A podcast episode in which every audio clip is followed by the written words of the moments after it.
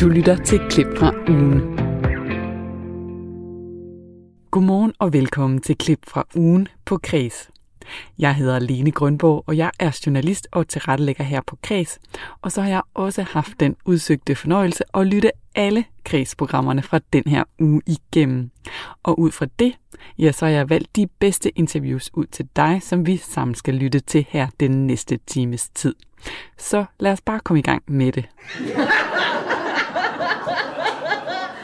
Og nu skal det handle om en teaterpremiere. Eller vel at mærke en digital en af slagsen. Aalborg Teater valgte nemlig i sidste weekend at livestreame premieren på deres forestilling Tine af Herman Bang helt gratis og til hele Danmark. Og i kreds der så vi nærmere på de produktionsforhold, som mange kunstnere står under her i coronakrisen, og som også betyder, at de må tænke kreativt, hvis de vil have et publikum. Jeg var selv med til premieren på Tine hjemme i sofaen. Vi er svært stolte og glade av å kunne presentere Tine for dere i aften. Normalt sett så skulle vi hatt premiere med masse mennesker i salen og, og full uh, stemning her i teatret. Men det må vi ikke. I stedet så skal vi forsøke å lage en forestilling på stream.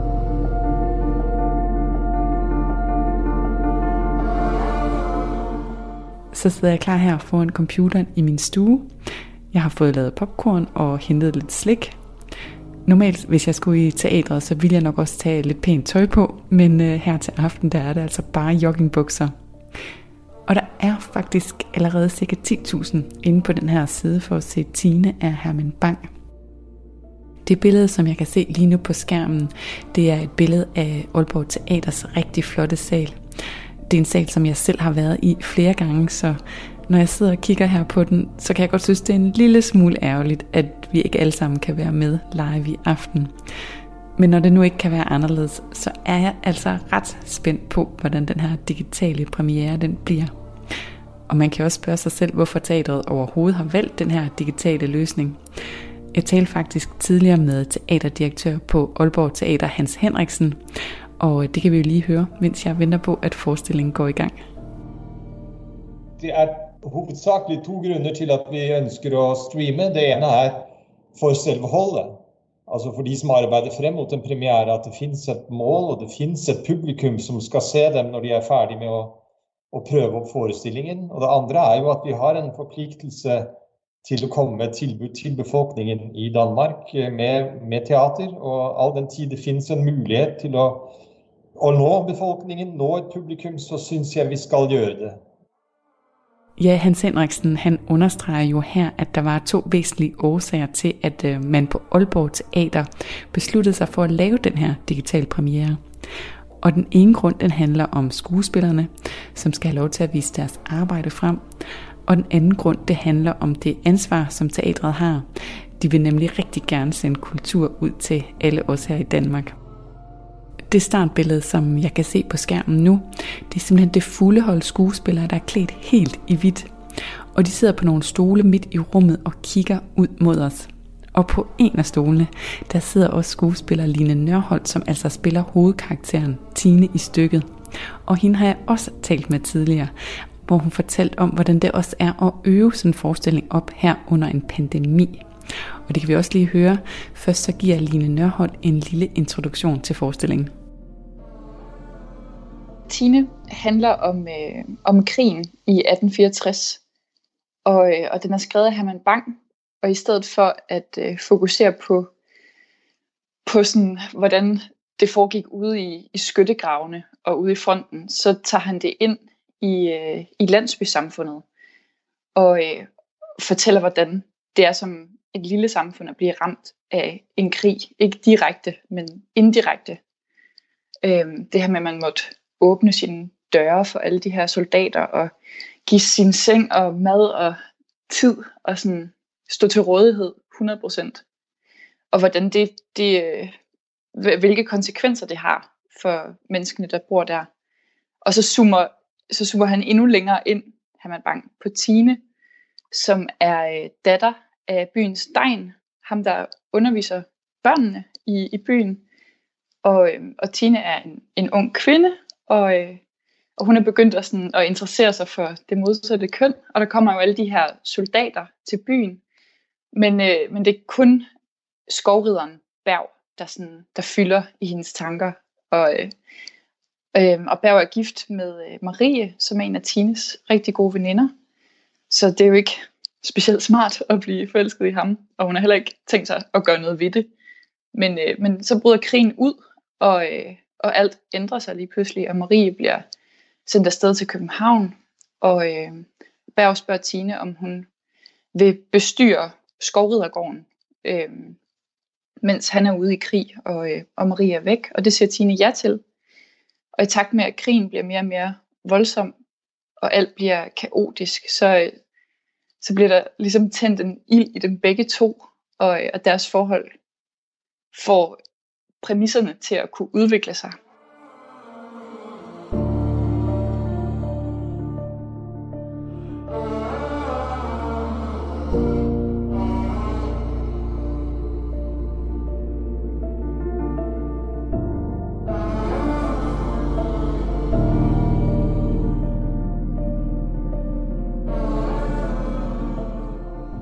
I midten af december, tror jeg, der begyndte tallene at eskalere, og, øh, og der var udsigt til, at vi nok ville blive lukket ned igen. Og allerede der begyndte vi at tale om, hvad vi kunne gøre med vores premiere, og det blev lagt ud, at, øh, at, øh, at det kunne være en idé med den her livestreaming af premieren.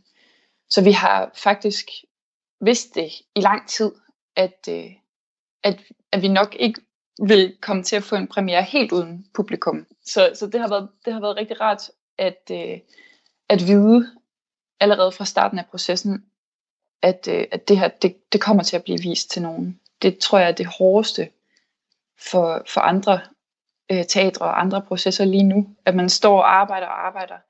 Men det der med, at man ikke kommer til at, at blive forløst med det, det, det er hårdt.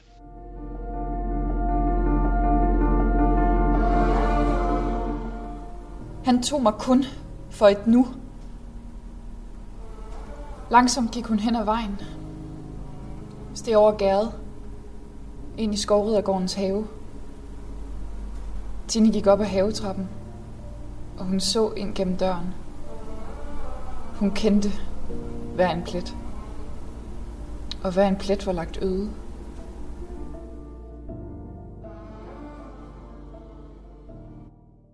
når jeg går hen til teateret, så, øh, ja, så er jeg ude i den, den friske luft og alting. Men når jeg så kommer ind, så, øh, så skal jeg have mundbind på i, i alle sådan fælles områder. Og der står spritstander over det hele, og man skal have spritet af. Og så, øh, så når vi kommer op på, øh, på vores, vores sådan arbejdsområde, når vi hver især er på vores arbejdsområde, så må vi godt tage mundbindene af. Og, og det er jo lidt specielt det der med, at, at man skal holde stor afstand øhm, til alle sådan i supermarkeder og altså alle steder jo, og man må ikke se nogen. Men os, der, der laver den her forestilling sammen, vi, vi, vi har en, en boble sammen, og vi, vi passer helt vildt meget på. Og jeg, jeg har vidderligt ikke set nogen andre, end dem jeg arbejder med, for at, øh, at vi kan passe på hinanden, og vi kan arbejde, som vi plejer, og sådan, gøre det her rigtigt.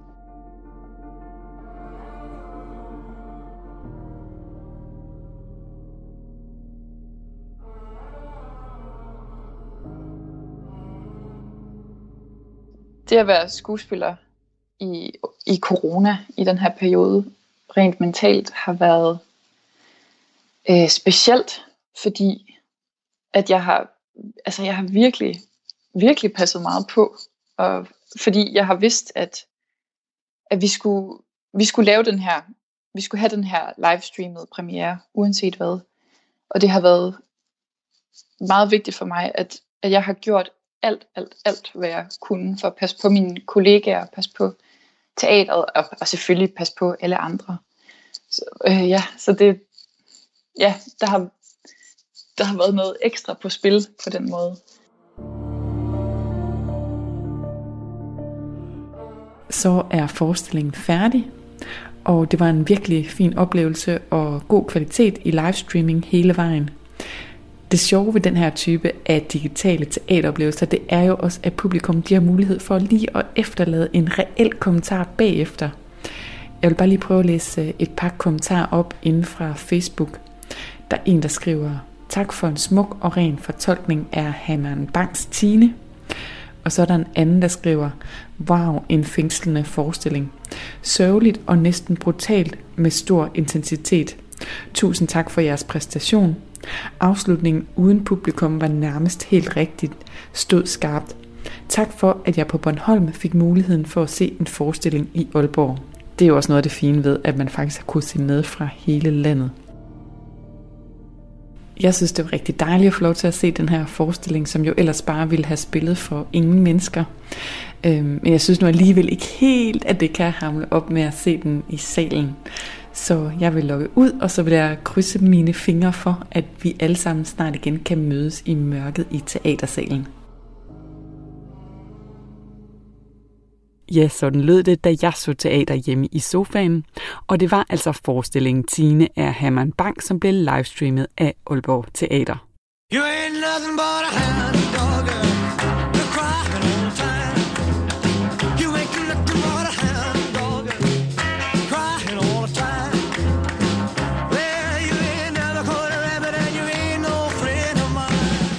Nu skal det handle om ikonet Elvis fordi forfatter og historiker Bertel Nygaard, han har skrevet bogen Elvis i Danmark, hvor han giver læseren et indblik i den danske populærkultur fra 1950'erne og frem til i dag.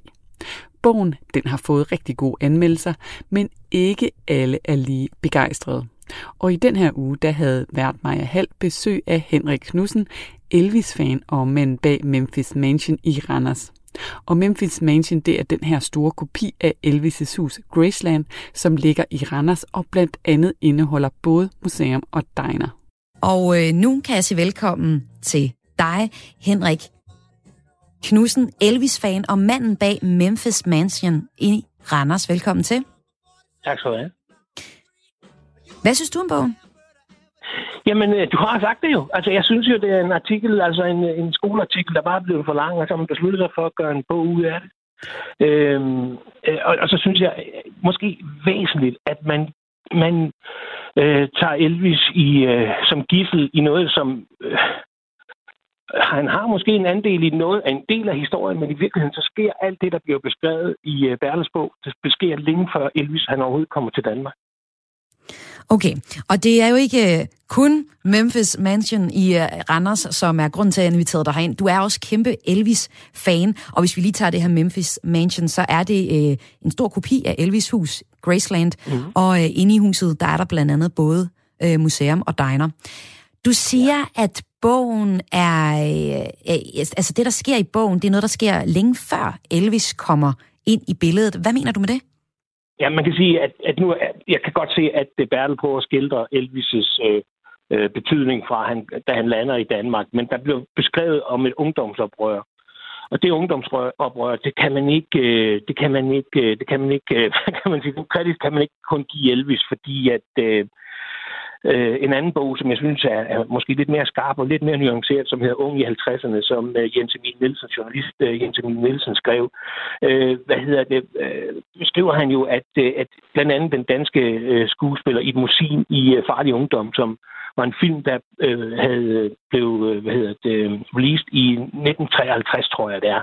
Og Elvis, han, øh, han, er, han er ikke blevet Elvis endnu i 1953, og allerede da den her film kommer ud, så, så er der, der er et skred i den måde, som, øh, som ungdommen... Øh, altså, man skal huske på, at ungdommen før alt det her sker, havde ikke, øh, hvad skal man sige, den kultur, som man har i dag. Man lyttede til forældrenes musik man øh, klædte sig, man gik i det tøj, som ens far eller mor på. Det kunne man få aflagt senere. Jeg ved godt, sådan var det ikke alle steder, men sådan var det mange steder. Øh, man blev øh, friseret øh, og klippet med øh, en... Øh, med en maskine, så alle havde det samme hår, og lige pludselig begynder ting at ændre sig. Og der er, der, der, der, der er så mange ting. Der er også en James Dean, øh, som i den grad har en kæmpe rolle i den her proces, der er blandt unge mennesker, der gerne vil finde deres egen identitet. Så faktisk mener du, Henrik Knudsen, kæmpe Elvis-fan, at øh, der simpelthen er for meget, der bliver tillagt til Elvis' skyld i den her bog? Ja, Jamen både og, fordi man, man, man kan sige, udover at man tillægger Elvis øh, værdien af de her ting, og det er klart, han har, da han kommer til Danmark, nu handler det om Elvis i Danmark, fordi havde det været Amerika, så havde historien været en lille bit smule anderledes. Men den historie, der blev fortalt om Danmark, kunne lige så godt have været i Japan, den kunne lige så godt have været i Australien, den kunne lige så godt have været fortalt om ungdommen i Tyskland, fordi det er nøjagtigt de samme ting, der sker. Det er en efterkrigsting, og, øh, og øh, det er en proces af, at øh, vi begynder at blive øh, amerikaniseret, og, øh, og i virkeligheden så kan man sige, at øh, populær jazz måske i virkeligheden har meget større andel i i de her ting. Øh, at Elvis kommer ind, han bliver stor i, øh, i USA i midt-50'erne. Han bliver, han bliver introduceret første gang i Danmark i 58, og han bliver sådan rigtig stor i Danmark, efter han har været soldat, og han kommer tilbage med et album, der hedder Elvis is Back, og han synger Lonesome Tonight, alle de her dejlige øh, klassikere, som kommer i hans øh, følge. Øh, her der begynder Elvis også at få et betydningsfuldt øh, pladesal. Det har han ikke i 50'erne. Det er, altså når man kigger på de pladesalerne i 50'erne, okay, det var en subkultur. Det var en undergrundsting på det her tidspunkt. Altså faktisk mange steder kunne man slet ikke købe hans plader, og Danmarks Radio ville ikke spille hans musik. Så han får ikke helt den her betydning, som jeg synes, at Bertel ligger op til. Har han haft en betydning på, den, på ungdommen? Bestemt da. Øh, øh, hvad hedder det? Hvis, øh, hvis, vi, øh, hvis vi i dag går med kraven op øh, på vores skjorter, så gør vi det, fordi Elvis han gjorde det for mange år siden.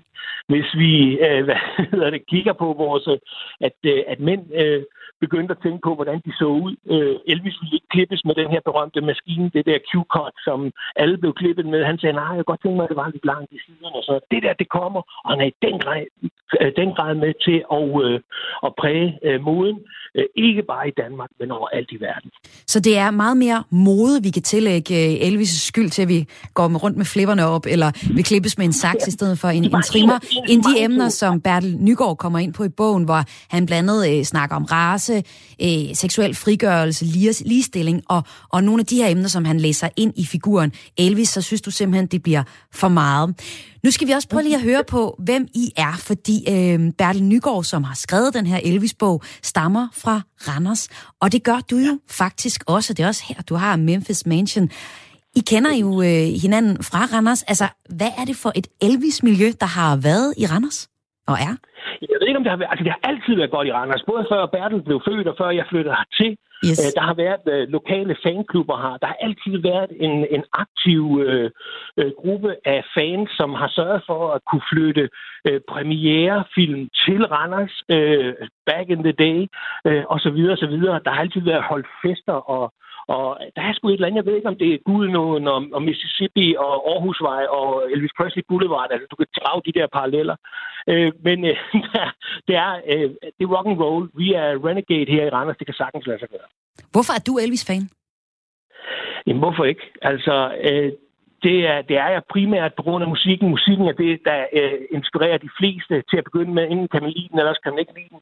Jeg plejer at sige, at øh, Øh, hvis du forstår det, så behøver jeg ikke at forklare det, og øh, hvis du forstår det, øh, hvis du ikke forstår det, så kan jeg ikke forklare det. Øh, det er ligesom øh, alt muligt andet i den her verden. Jeg synes, at øh, musikken var med til at flytte mig. Senere så blev det historien, som jeg også synes er vanvittigt spændende. Men jo så ikke en historie, som du øh, deler med øh, Bertel Nygaard. Hvordan kan I have set, øh, altså I voksede op med det samme, i det samme øh, Randers Elvis fanmiljø, men alligevel ser I figuren så forskelligt. Kan du komme med nogle ord? Hvorfor ser det forskelligt? Jeg synes bare, at det at lave en bog om, hvad Elvis har gjort ved hele det her land, det synes jeg, og det er derfor, jeg siger, at det er en, det er en skoleartikel, der simpelthen er blevet for lang. Det er fuldstændig, øh, det er, det er en, altså det er, øh, jeg synes ikke, det, det bringer noget nyt. Øh, øh, og det der med seksualiteten, jeg synes, det er fedt, du nævner det om raceforhold. Elvis var en af de få hvide, som kunne komme på de sorte klubber, fordi de, øh, hvad hedder det, afroamerikanske artister, de vidste godt, at Elvis var med til at løfte deres musik ud i verden. Og seksualiteter, prøv nu her, en af de helt store i rock and roll øh, historien, det er Little Richard, som var, hvad var han? Han var sort, han var homoseksuel. Altså, Elvis har jo været, han har været en øh, søndagsskoleelev, øh, sammenholdt med det hold, der har været ude og rejse rundt i det miljø i sydstaterne. Øh, så han er med til at åbne dørene, det kan du bande på. Han er med til at få, få rock and roll på amerikansk national tv får han det endelig spillet på radiostationer rundt omkring i verden. Den andel, den skal han have. Men den bliver aldrig specielt for Danmark, eller specielt for Sverige, eller specielt for, for, for noget andet land. Øh, det var en, en del af historien, en del af en naturlig historie. Øh, er han en legende? Ja, det er han da. Hvorfor sidder vi to og snakker om ham på Radio 4 i dag, så mange år efter hans død? For mange andre musikere bliver aldrig nævnt. Altså, kom igen. Han er øh, Mr. Rock and Roll. Øh, jeg synes bare ikke, at historien om Danmark er noget særligt. Jeg synes ikke, det er spændende. Jeg synes ikke, den rocker ved noget. Jeg synes ikke, den flytter ved noget. Og det synes jeg er ærgerligt, når man nu gør det. Og du har jo så også valgt at fortælle Elvis historie. Det gør du som en øh, del af kræfterne bag Memphis Mansion i Randers, som øh, jo er både et museum og en diner, hvor I fortæller Elvis historie. Mm. Men øh, hvordan adskiller Memphis Mansion sig fra at skrive en, en bog om Elvis og danske relationer? Jamen, det kan man sige, det gør vi sådan set heller ikke. Øh, hvad hedder det? Men vi fortæller øh, også om, øh, om øh, danske relationer. Vi fortæller om, at Elvis møder dronningen. Vi fortæller om, at øh, det er en dansker, der hedder Ernst Michael Jørgensen, der producerer pladerne i dag.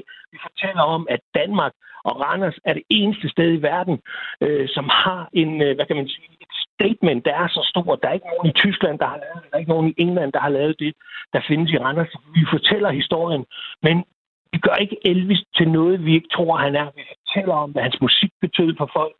Øh, vi fortæller om hans øh, hvad hedder det, salgsrekorder. Vi fortæller om, hvem han har hvad hedder det, motiveret. Og det er jo ikke bare, eller inspireret, det er jo ikke bare, hvad hedder det, øh, John Lennon, som sagde, for Elvis var der ingenting. Altså, der er jo et hav af danske artister. Jeg kan huske vores, øh, vores danske legende, øh, Kim Larsen. Øh, jeg spurgte ham på et tidspunkt, om han lyst til at være med i nogle af de shows, vi lavede, hvor vi inviterede Elvis' gamle musikere til Danmark, og så havde vi danske solister, vi havde Sten Jørgensen, og vi havde øh, forskellige andre, øh, Big Fat Snake, som eksisterede dengang, og alle mulige øh, hugget op på de her shows, havde masser af sjov, sjov ud af det, og da jeg spurgte herr Larsen, om man ikke kunne tænke sig at være med, så sagde han til mig, Henrik, jeg vil ikke deltage i et show, hvor jeg ikke kan gøre det bedre end originalartisten. Og det der, det er respekt, og det er en god historie. Hvad er egentlig grunden til, at I overhovedet har lavet Memphis Mansion i, i Randers? Jamen, øh, grunden den er jo, kan man sige, den er selvfølgelig drømme øh, fra, fra vores side om at, at se, om man kan skabe sådan et miljø. Øh, men drømme øh, lever og klarer det ikke alene. En ting er at få tanken, det er at få øh, drømmen og ideen. En anden ting er at gøre det øh, øh, øh, til en realitet. Men det vigtigste, og det er det, der gør, at tingene hænger sammen, det er, at der også er et publikum. At der i Danmark er et publikum. Ikke sidste år, fordi vi havde øh, coronatid sidste år, men forrige år blev vi besøgt af 150.000 gæster, og det fortæller lidt om, hvor stor Elvis Presley stadigvæk er, så mange år efter sin død. Det var altså her Henrik Knudsen, Elvis-fan og mand bag Memphis Mansion i Randers, som talte med min kollega Maja Hall.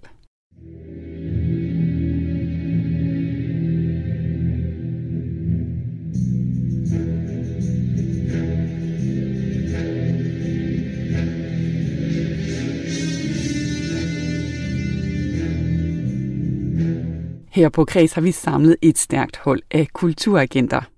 Syv forskellige danskere, der bor fordelt rundt i hele landet, og som vil anbefale dig og mig de bedste kulturoplevelser lige der, hvor de bor. En lokal guide, der kan præsentere dig for nogle af de oplevelser, du måske ikke opdager dig selv. Så nu er det bare frem med pen og papir, især hvis du bor i eller omkring København. I dag skal vi nemlig møde Linda Justine Intemi, vores kulturagent fra netop den landsdel. Og hun har været på jagt efter en oplevelse ude i det fri i byrummet, som alle kan opleve lige nu. Jamen, øh, der er ikke særlig mange ting at foretage sig for tiden.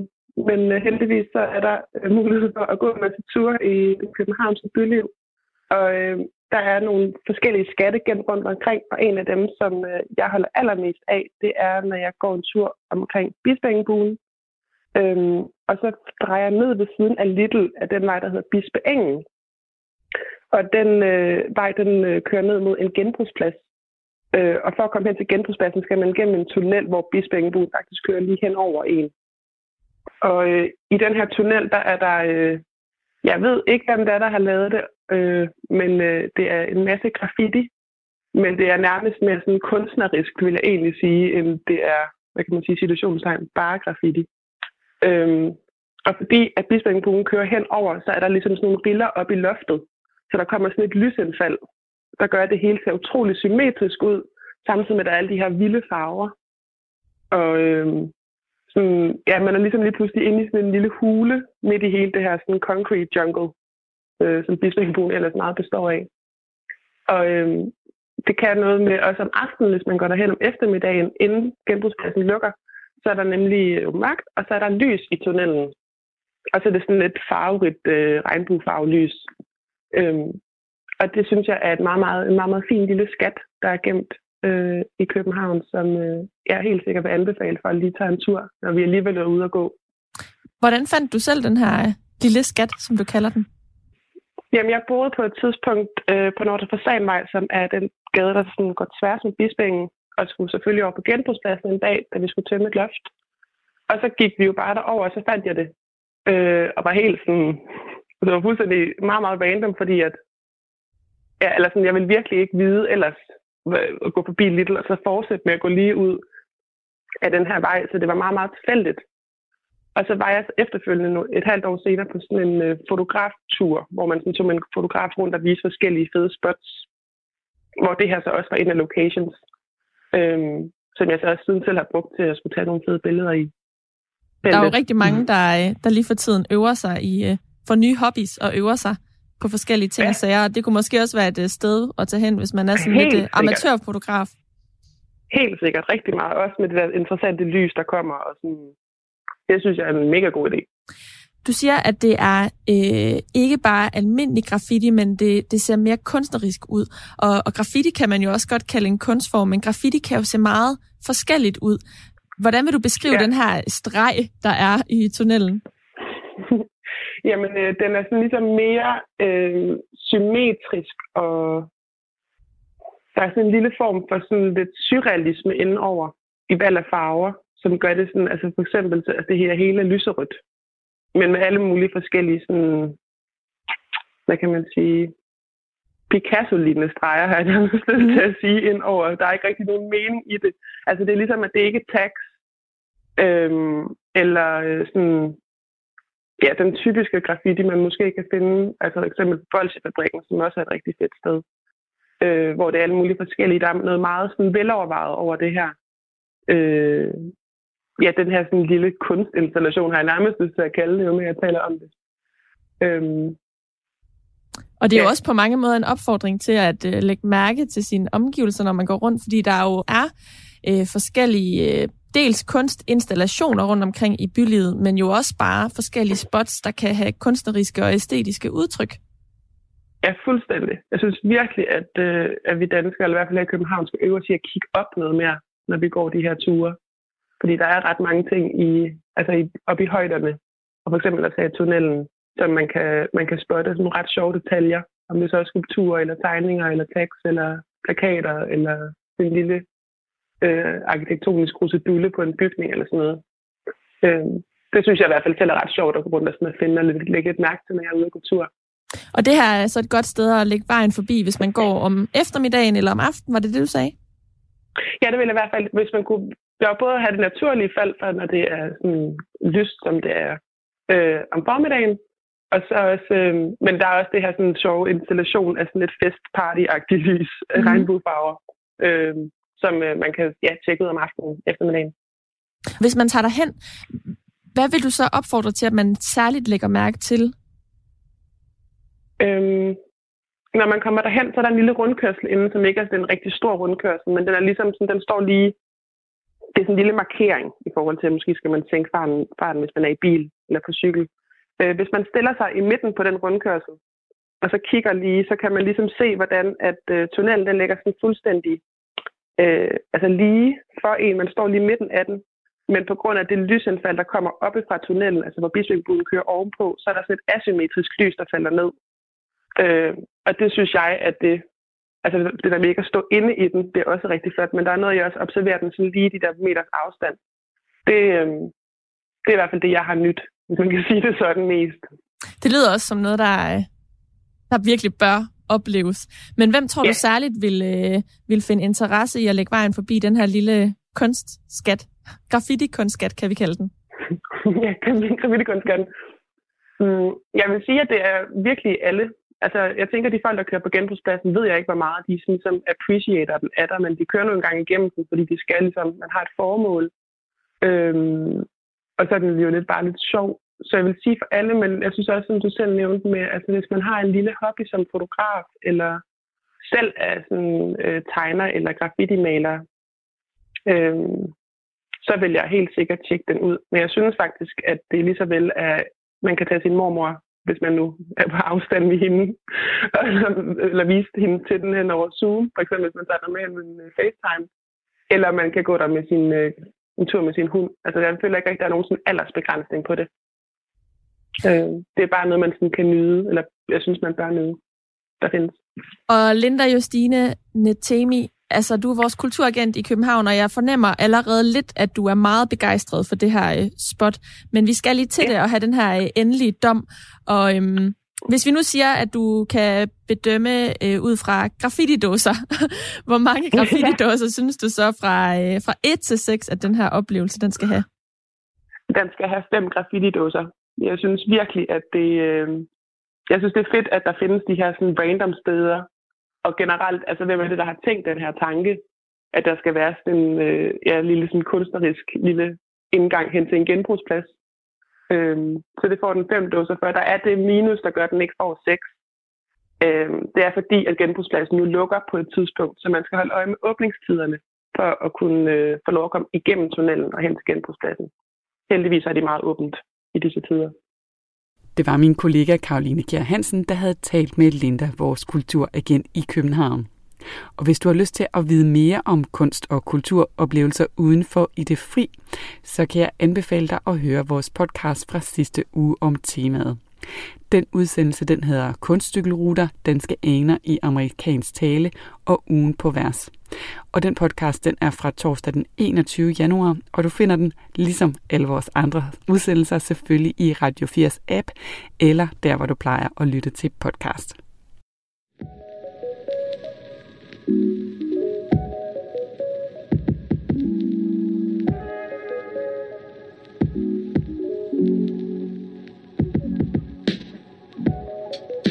Mit navn er Karoline Kjær Hansen.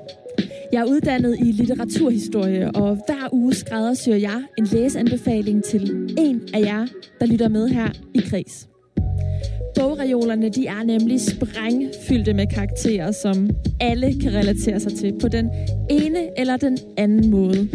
Og det får altså bare skuldrene til at tænke sig 5 cm, når man oplever, at man ikke står alene med det, der kan føles som et stort problem. Har du kærestesover, coronakuller eller svært ved at falde til i din nye by? Uanset hvilken situation du står i, så har jeg et forslag til en bog, der kan lindre dine følelser, og måske endda gøre dig lidt klogere på dig selv. Skal det være lige præcis dig, jeg kommer med en anbefaling til, så smid en sms afsted med det samme til 1424. Husk at begynde den med R4, eller send en mail til kreds radio4.dk, hvor du fortæller lidt om din situation. Mailen staves kraes radio4.dk. Du kan også stadig sende en sms. Nummeret det er 1424. Jeg glæder mig til at høre fra dig.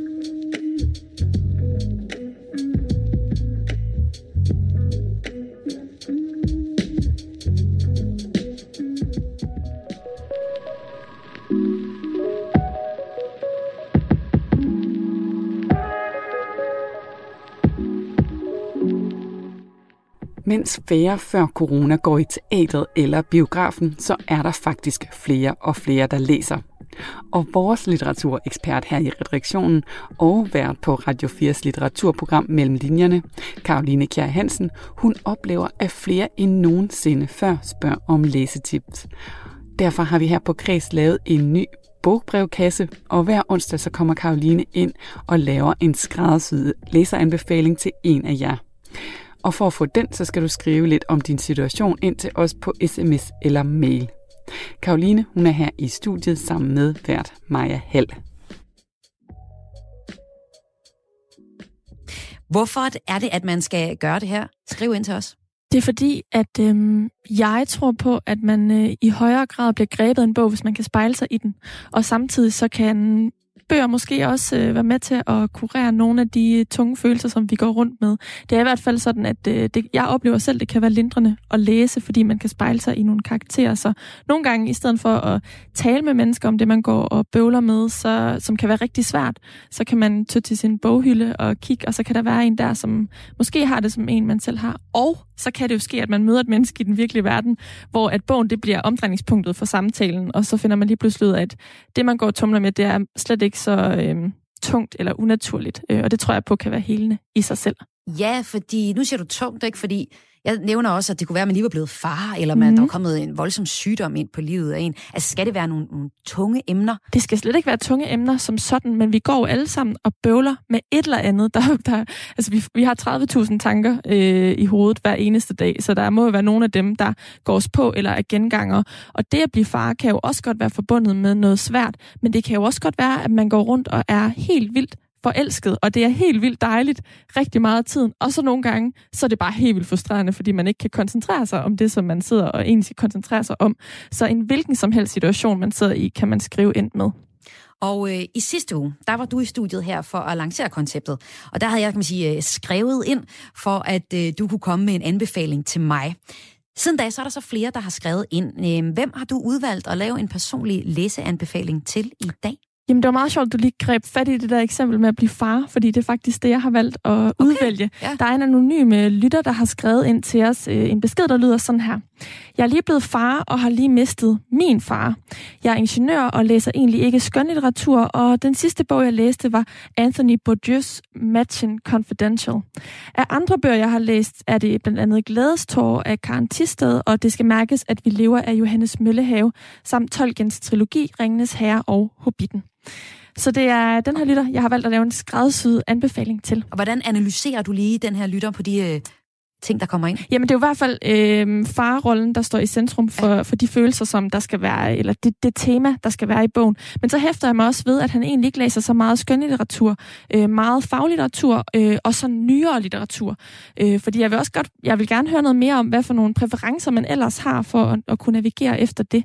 Øh, og jeg valgte det her eksempel, fordi jeg faktisk også synes, det var en lille smule udfordrende, fordi på trods af, at øh, der er en øh, universitetsprofessor fra Yale University, Harold, Harold Bloom, der har sagt, at far-søn-relationen øh, faktisk er drivmotoren gennem al litteratur. Øh, det har fyldt hele litteraturen. Det kan være alt fra Dræb ikke en sam- sangfugl øh, af Harper Lee, som faktisk er den mest øh, læste bog i USA. Den er solgt i over øh, 40 millioner eksemplarer, og kun over, det er kun Bibelen, der overgår den bog.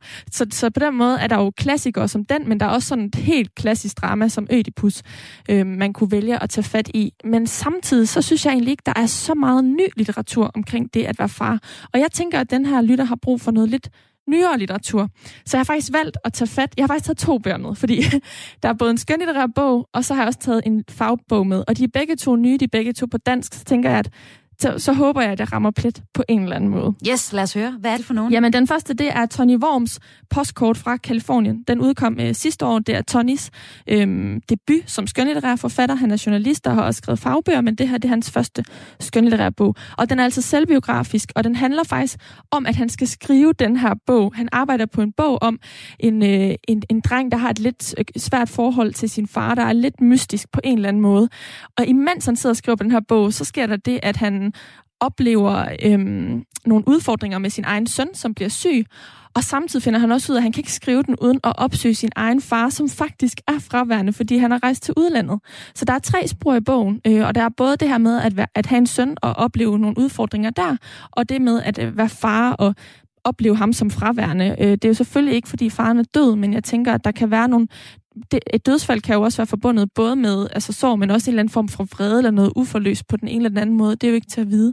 Men jeg tænker i hvert fald, at den kan tale øh, ind i i temaet, og det er det bedste, synes jeg, eksempel på nyere litteratur. Vi har også lavet et program om det her i Kreds i foråret sidste år. Øhm, den sidste bog, det er øh, Aiden Suis øh, fader, hvor han har talt med fem forskellige med anden etnisk baggrund om det at være øh, søn og far.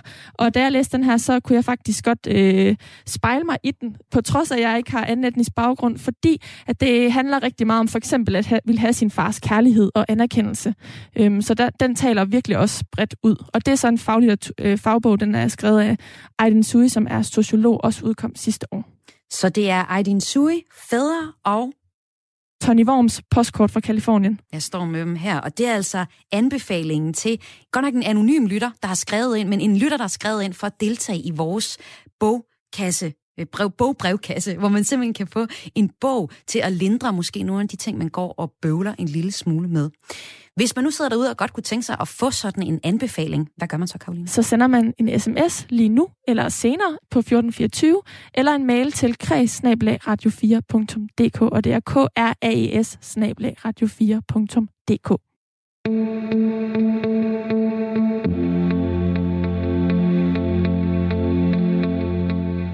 breaking-bjælker og en nyhedsstrøm, der bullerer der ud af. Det er lige til at blive forpustet af. Og derfor så trækker vi hver torsdag i kreds i den lyriske håndbremse og får en poet til at sætte ugen på vers. Det gør de så ud fra en nyhed, der har fyldt i medierne den seneste uge, og som også er inspirationskilde til en sprit ny tekst, de har skrevet. Og i den her uge, der var det digter Helene Johanne Christensen, der havde påtaget sig den opgave. Hvilken nyhed har du valgt? Jamen, jeg har valgt en, øh, en nyhed, som, øh, som ikke har været så breaking, men øh, den blev bragt hos TV2 News, og der har også været noget i politikken i den her uge, og det handler om vaccineegoisme. Ja. Altså, det handler om, at øh, verdens rigeste lande har, øh, har skaffet sig rigeligt med vacciner, altså sådan to-tre gange så mange, som de har brug for, mens at den fattigere del af verden, øh, de, har, de har svært ved at få vacciner nok. Hvorfor har du valgt den her historie som, øh, som digtinspiration? Jamen, jeg synes, det er for det første rigtig vigtigt at, at tale om det, altså øhm, den, det specifikke ved, ved det. Øh, men også, det kan også tale mere universelt om nogle, øh, nogle større ting, altså lidt mere øh, historieløst, om eurocentrisme for eksempel. Øhm, ja, så det synes jeg er spændende, altså netop fordi, at det forskerne så siger, øh, det er, at det er et stort problem, det her, fordi at der så kan opstå nye varianter af øh, altså virusen, den kan mutere, og det ser vi jo også allerede nu. Øhm, så det der med, at øh, EU og USA og Storbritannien skaffer sig nok vacciner og bliver vaccineret, det nytter bare ikke noget.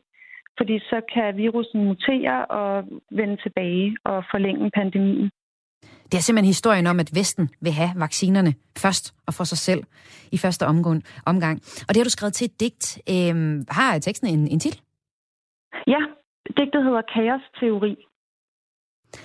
Og lad os bare høre det. Helene Johanne Christensen, du har optaget det til os, så vi kan høre det i god kvalitet. Her kommer det Helene Johanne Christensens ugen på vers med digtet Kaos Teori. Kaos Teori Som det eneste af verdens fattigere lande har Guinea på Afrikas vestkyst vaccineret ikke 25 millioner, ikke 25.000, bare 25 borgere. Mens Europa, USA og Storbritannien har doser nok til at vaccinere dobbelt så mange gange som nødvendigt. Vaccineegoismen er en trussel mod folkesundheden. Det er den samme gamle giftige sang om at tro, at man er verdens navle, om at skrabe stemmer sammen, om fejlagtigt at forstå sig selv som selvberoende, lukket i et vakuum, uden åbninger og forbindelser til andet og andre. Det er et hamstrende og kaotisk marked.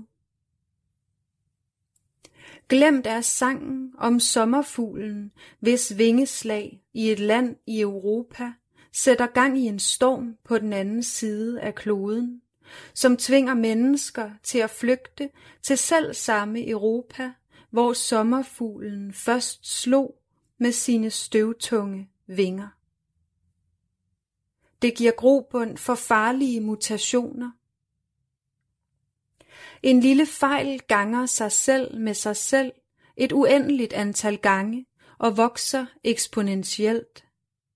Virussen muterer straks den får chancen og breder sig i uforudsigelige mønstre, uberørt af nationaliteter og hårdt optegnede grænser. Upåvirket af vaccinen, der blev udviklet i hast. Ingen er sikre, før alle er sikre.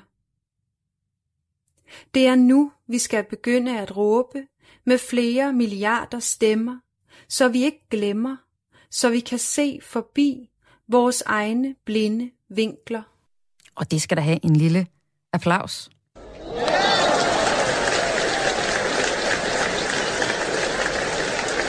Og dig, der lytter med, bare roligt. Vi har ikke nogen mennesker i studiet. Det er optaget på forhånd, Klapsalmen her, men jeg synes alligevel, at du skulle have den. Helene Johanne Christensen, på digtet her, øh, Kaosteori, valgte du at kalde det, skrevet på en nyhedshistorie fra TV2, der hedder Vestens vaccineegoisme er en trussel mod folkesundheden. Digtet fokuserer på, at vi alle sammen er forbundet. Og ja. øh, du bruger det her eksempel med, at en sommerfugls vingeslag kan give en storm. Hvad mener du med det? Jamen, det er jo netop kaosteorien, øh, som er en matematisk teori, som man også bruger inden for fysik og mange andre øh, dele af videnskaberne. Men øh, sommerfugleffekten, det er netop, at en lille variation, en lille handling, kan have helt uoverskuelige konsekvenser og påvirke meget øh, længere væk og på alle mulige måder, som vi slet ikke kan, kan regne ud. Altså det er det kaotiske element i det. Og i det her eksempel bruger du til at beskrive problemet ved, at Vesten øh, tager vaccinationerne, hvor at nogle andre lande, fattigere lande, ikke øh, får mere end, jeg tror det er Guinea, du har et eksempel med, med 25 er blevet vaccineret. Ja, lige præcis. Altså, at, øh, altså det handler om, hvilken, øh, altså, hvilke konsekvenser det har, øh, den egoisme, der er øh, omkring vaccinerne nu. Altså, hvis vi ikke sørger for at få vaccineret alle, så kan det nemlig have helt uoverskuelige konsekvenser med de her nye mutationer, som også ligesom kan, øh, kan blive øh, immune over for, øh, for den allerede udviklede vaccination. Og Helene Johanne Christensen, du er, er digter og har jo så i denne uge, ugens på vers, der er du vores poet her i Kreds, men du er også aktuel med digtsamlingen Sammenfald, som øh, udkom for nylig. Hvordan mm. har arbejdet med øh, opgaverne her, altså hvor du har skrevet en, en hurtigt, et hurtigt digt, gætter jeg på, øh, adskilt sig fra arbejdet med digtsamlingen, der altså har den her titel Sammenfald? Ja, altså øhm, på en måde har det, det har selvfølgelig gået meget øh, hurtigere og har været, øh, det er blevet meget mindre redigeret mm. øh, end digtene i min, øh, i min nye bog. Men, øh, men på en måde har selve skriveprocessen også mindet lidt om nogle af digtene i sammenfald. Hvordan det? Hvor jeg også arbejder, jamen, hvor jeg også arbejder meget med historisk stof, altså med virkeligheden, og, øh, og også trækker på videnskab af forskellige art.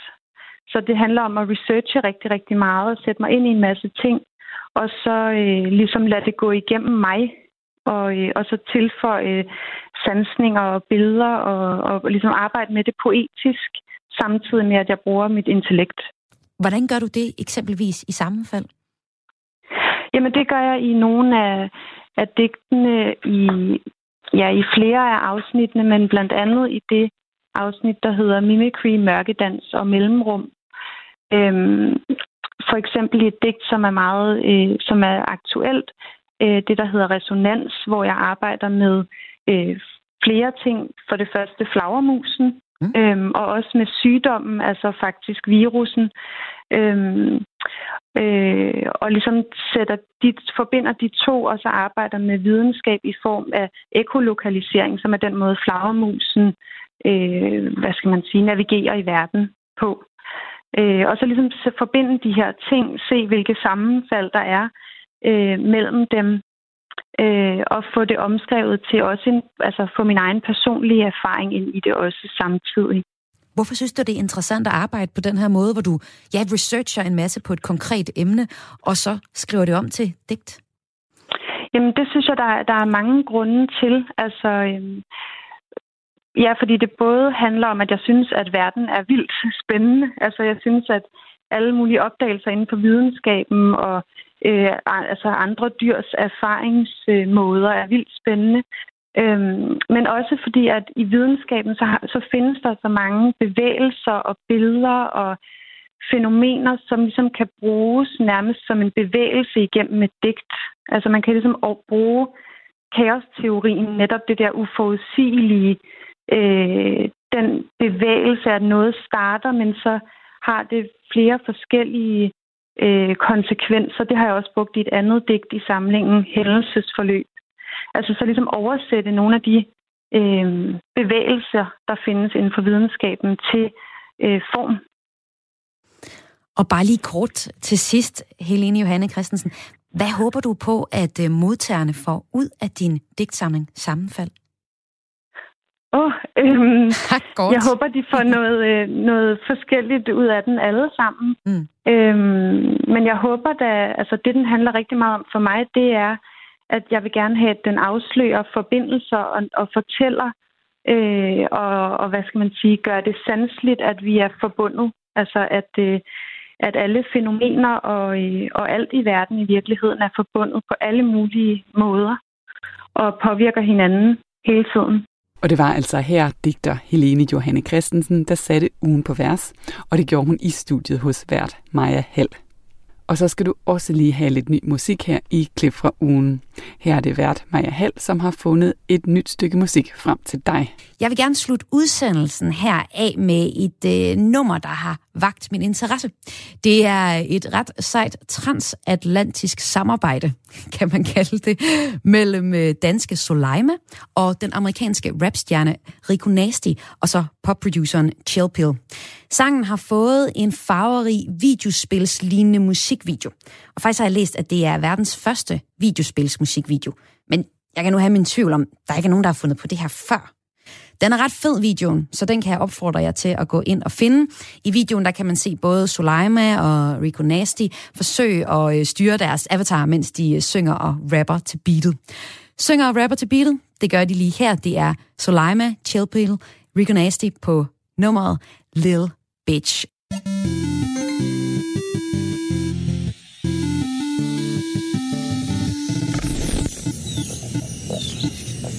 I wonder what it is.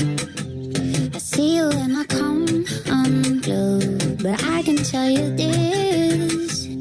Some might say it's kind of rude, but you're such a little bitch. Ew.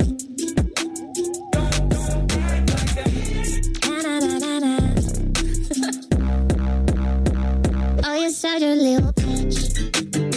You gotta quit being so sensitive. Shit, I don't hope you die. I just hope that. I just hope shit sucks. And all I hear is blah blah blah blah when you speak. And when you're about to fall asleep, I hope you think of me. I hope you think of me. Don't act like a bitch. You're such a little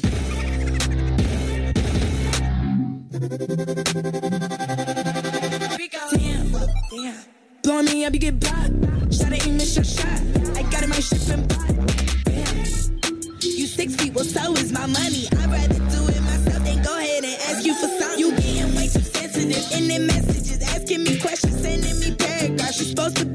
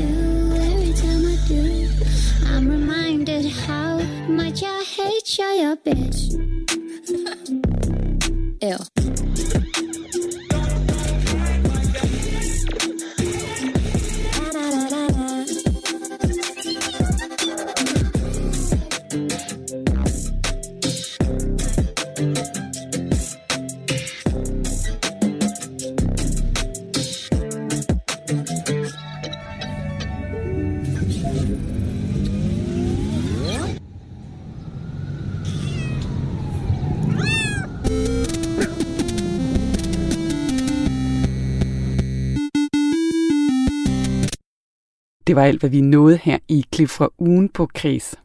Du kan selvfølgelig finde alle programmerne som podcast på vores hjemmeside radio4.dk eller i vores app.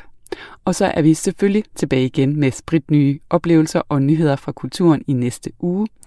Mit navn det er Lene Grønborg. Tak fordi du lyttede med.